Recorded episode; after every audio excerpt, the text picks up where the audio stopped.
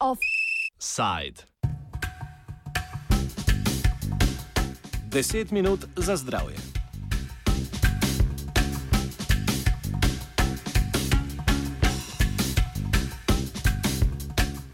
V brazilskem São Paulo poteka svetovno srečanje za boj proti hepatitisu. Srečanje poteka pod pokroviteljstvom Svetovne zveze proti hepatitisu, Svetovne zdravstvene organizacije in Brazilskega ministrstva za zdravje.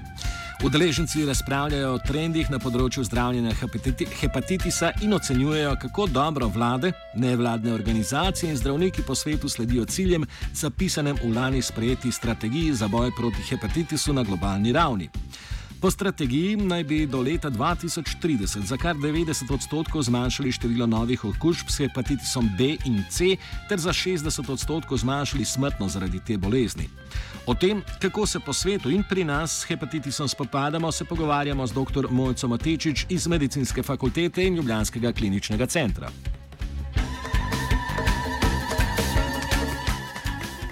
Mojca Matičič pojasni, zakaj zasedanje poteka ravno sedaj in kaj je njegov namen. Svetovna zdravstvena organizacija je v sodelovanju z zvezo ali pa združenjem za virusne hepatitise, to je združenje bolnikov, a ne svetovno združenje bolnikov, prvič leta 2015 naredila eno tako zasedanje na vrhu. To prvo zasedanje je bilo v, na Škotskem, v Glasgowu, to drugo zdaj je pa na južni polobli v Sao Paulo. Namen tega srečanja pa je, da se prepozna virusni hepatitis kot zdravstveni, javno zdravstveni problem, torej problem širokih razsežnosti na vseh celinah, ki je rešljiv in ki, eh, ki ga morajo države resno jemati in tudi resno pristopiti k obravnavi tega problema in zaizitvi tega problema. Pomagajo pa tudi državam članicam uh, pri tem, kako se tega reševanja problema lotiti, okolikor tega še niso storile. To je Svetovna znanstvena organizacija opredelila v lanski strategiji, ki je osrednja tema zasedanja. Poznamo več različnih virusnih hepatitisov, od A do E se imenuje po črki abecede, ampak dva hepatitisa sta tista, ki kronična in res povzročata pomemben javno zdravstveni problem. To sta hepatitis B in hepatitis C. Hepatitis B se da preprečiti s cepljenjem in zato Svetovna zdravstvena organizacija spodbuja že od 90-ih let naprej ne države članice vključijo cepljenje proti hepatitisu B v nacionalni program cepljenja otrok, kajti B hepatitis se da preprečiti. In želijo strategija, ki je bila narejena aprila leta 2016 in, in objavljena, mislim, da junija 2016, ta strategija želi, da bi do leta 2030, ker cilj je leta 2030, 90 odstotkov otrok bilo precepljenih proti hepatitisu B. Potem je pa tukaj še hepatitis C. Hepatitis C pa nimamo cepiva proti njemu, da bi ga preprečili, vemo pa, kako se ga preprečuje z varnim vedenjem in imamo zdravila, ki uspešno pozdravijo te hepatitis.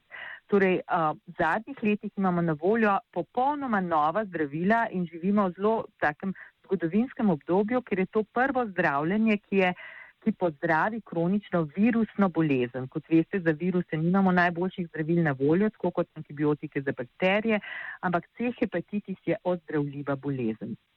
In ker imamo na voljo dve tako dobri orožji, se pravi cepljenje za B hepatitis in zdravljenje za C hepatitis, je dejansko Svetovna zdravstvena organizacija na temelju tega videla priložnost, da bi mogoče do leta 2030 izkorenila virusni hepatitis kot javno zdravstveno grožnjo. To ne pomeni, da ne bo nobenega bolnika na svetu več s to okužbo, ampak to pomeni, da ljudje zaradi te okužbe ne bodo umirali. In cilj Svetovne zdravstvene organizacije do leta 2030 je, da se za 90 odstotkov zmanjša število novo okuženih glede hepatitisa B in C, da se za 90 odstotkov zmanj, eh, zmanjša oziroma eh, eh, pozdravi tiste, ki so okužene in da se za 65 odstotkov zmanjša smrtnost zaradi virusnih hepatitisov.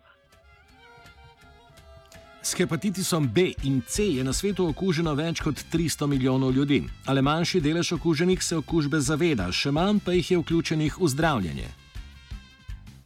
Danes vemo, da je v svetu 253 milijonov okuženih z virusom hepatitisa B in 71 milijonov z virusom hepatitisa C.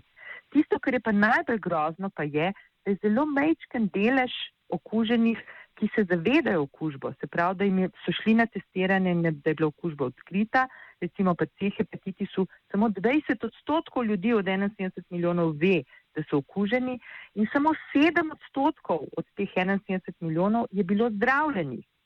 To je pa tisto, kar pomeni, da je skrajni čas, ker imamo uspešna zdravila oziroma prebejo pa cepivo, da posežemo v to situacijo in nekaj naredimo.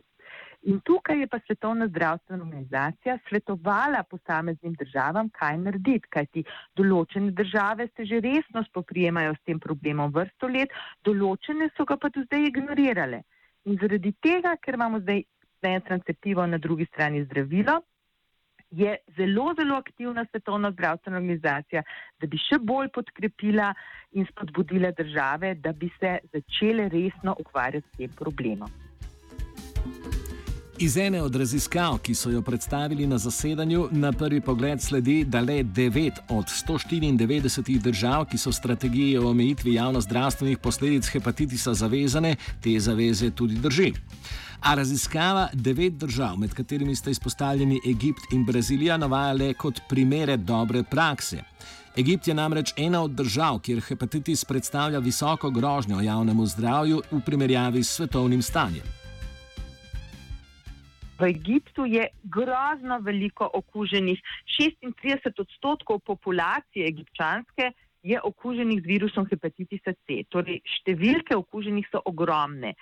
Stvar je pa v tem, da seveda zdravila so pa precej draga in uh, nekako Egipt je moral najti nek način, kako temi dragimi zdravili uh, pristopiti in začeti zdraviti čim več ljudi. In zato so pač oni nek svoj sistem vzpostavili uh, in ta sistem nekako je začel delovati. In to je primer dobre prakse, kako tudi v eni taki ogromni državi s tako velikim številom okuženih uh, nekako lahko začneš vzpostavljati to strategijo in sistem zdravljenja.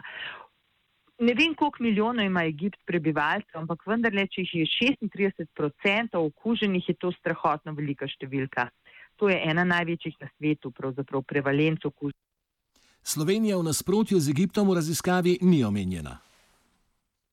Torej, Slovenija je pa ena najredkejših držav, ki se je že v 90-ih letih zavedala tega problema. Če greva na hepatitis B, uh, Sloveniji smo že v 90-ih letih vključili cepljenje proti B hepatitisu v obvezni nacionalni program cepljenja otrok, torej vsi otroci rojeni po letu 92 se pred vstopom v devetletko cepijo.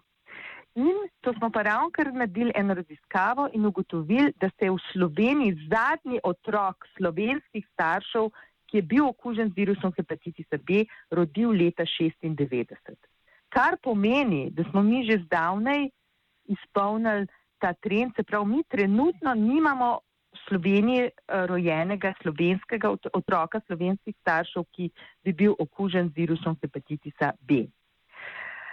Seveda pa eh, je, kaj bo v bodoče, je pa odvisno od tega, kako se bodo otroci cepili. Vsi vemo, obstajajo neke inicijative proti cepljenju, starši imajo določene pomisleke. Torej, cepivo proti hepatitisu B je najbolj raziskano od vseh cepiv in je izjemno varno, kar pove Svetovna zdravstvena organizacija. Uh, tako da 500 tisoč ljudi je bilo preiskovano v študiji o varnosti cepiva, tako da vam je jasno, da je varnost izjemno dobra in da je zelo smiselno tudi v bodoče cepiti otroke proti hepatitisu B. Številke okuženih s hepatitisom so pri nas bistveno manjše kot drugot po svetu.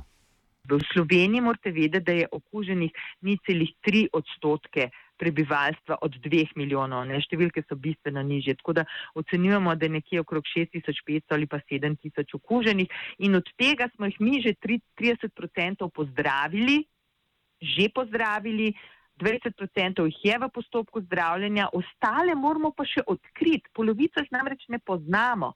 In to je ta problem, ki, s katerim se srečujemo v Sloveniji. Mi nimamo problema zdravljenja, strategije, mi, mi vse imamo. Trenutno iščemo vzvode, kako čim bolj odkrivati to okužbo. Tako da situacija v Sloveniji je čist drugačna, je, moram reči, urejena. Edini problem je, da ne poznamo vseh okuženih. Zakaj jih pa ne poznamo? Zaradi tega, ker je okužba v večini primerov ne pokaže nobenih bolezenskih znakov, se pravi, ti ne veš, da si se okužil in 20 do 30 let si lahko brez kakršnih koli težav, na to pa lahko izbruhne kar naenkrat, celo ciroza ali pa celo rak na jetrih. Zato je zelo važno, takrat težko pomagamo, ne? čeprav tudi takrat marsikaj lahko naredimo z novimi zdravili. Ampak zato je zelo važno, da se ta okužba čim prej odkrije. In zato lahko vsak pri sebi pomisli, če ima kakršen koli dejavnik tekom svojega življenja, da bi se lahko okužil. Kateri pa so ti dejavniki? Prva stvar je, če je pred letom 1993 prejel transfuzijo krvi ali pa imel kakšen večji operativni poseg ali poseg, zobozdravstveni poseg. Vsi, ki so to imeli, bi bilo smiselno, da se testirajo. Vsi, ki so kdaj bili ki so se recimo, zdaj gremo pa na bolj splošno področje, ki so se kdaj tetovirali ali pa imeli piercing, prebadanje narejeno neprofesionalno, torej ne v lokalu, ki ima znano zagotovljen higijenski minimum, se pravi, da sigurno sterilizira vse, da ima material za enkratno uporabo in tako naprej. Ne? Um, ne vem, koliko takih lokalov v Sloveniji poznate, ampak vendarle, torej vsi ti tetovaže, piercing, neprofesionalno, vsi ti se morajo testirati. Potem, če kdorkoli, kadarkoli iniciral droge, seveda ne s čistim priborom, tukaj ni samo igla, tukaj je cel pribor, igla, brizga, vse ostalo, kar sodi k iniciranju, tudi v takem primeru seveda se treba testirati, ali pa če je kdo njuhal drogo, tem, da je seveda pribor za njuhanje menjaval, recimo, ne, namreč njuhanje je pomemben dejavnik tveganja, ker kokain, naprimer, tanjša nosno sluznico, ta lahko zakrvavi in potem je seveda na tej slamici za njuhanje lahko mikroskopsko velika količina krvi, ki pa lahko prenese virusane. In pa seveda, um, če je kdorkoli kdaj živel v skupnem gospodinstvu z nekom, ki ima okužbo z virusom hepatitisa C ali če je kakšen družinski član okužen z virusom hepatitisa C, torej vse to so uh, indikacije oziroma so vzroki, zaradi katerih svetujemo testiranje na te hepatitise. Offset je pripravil Martin.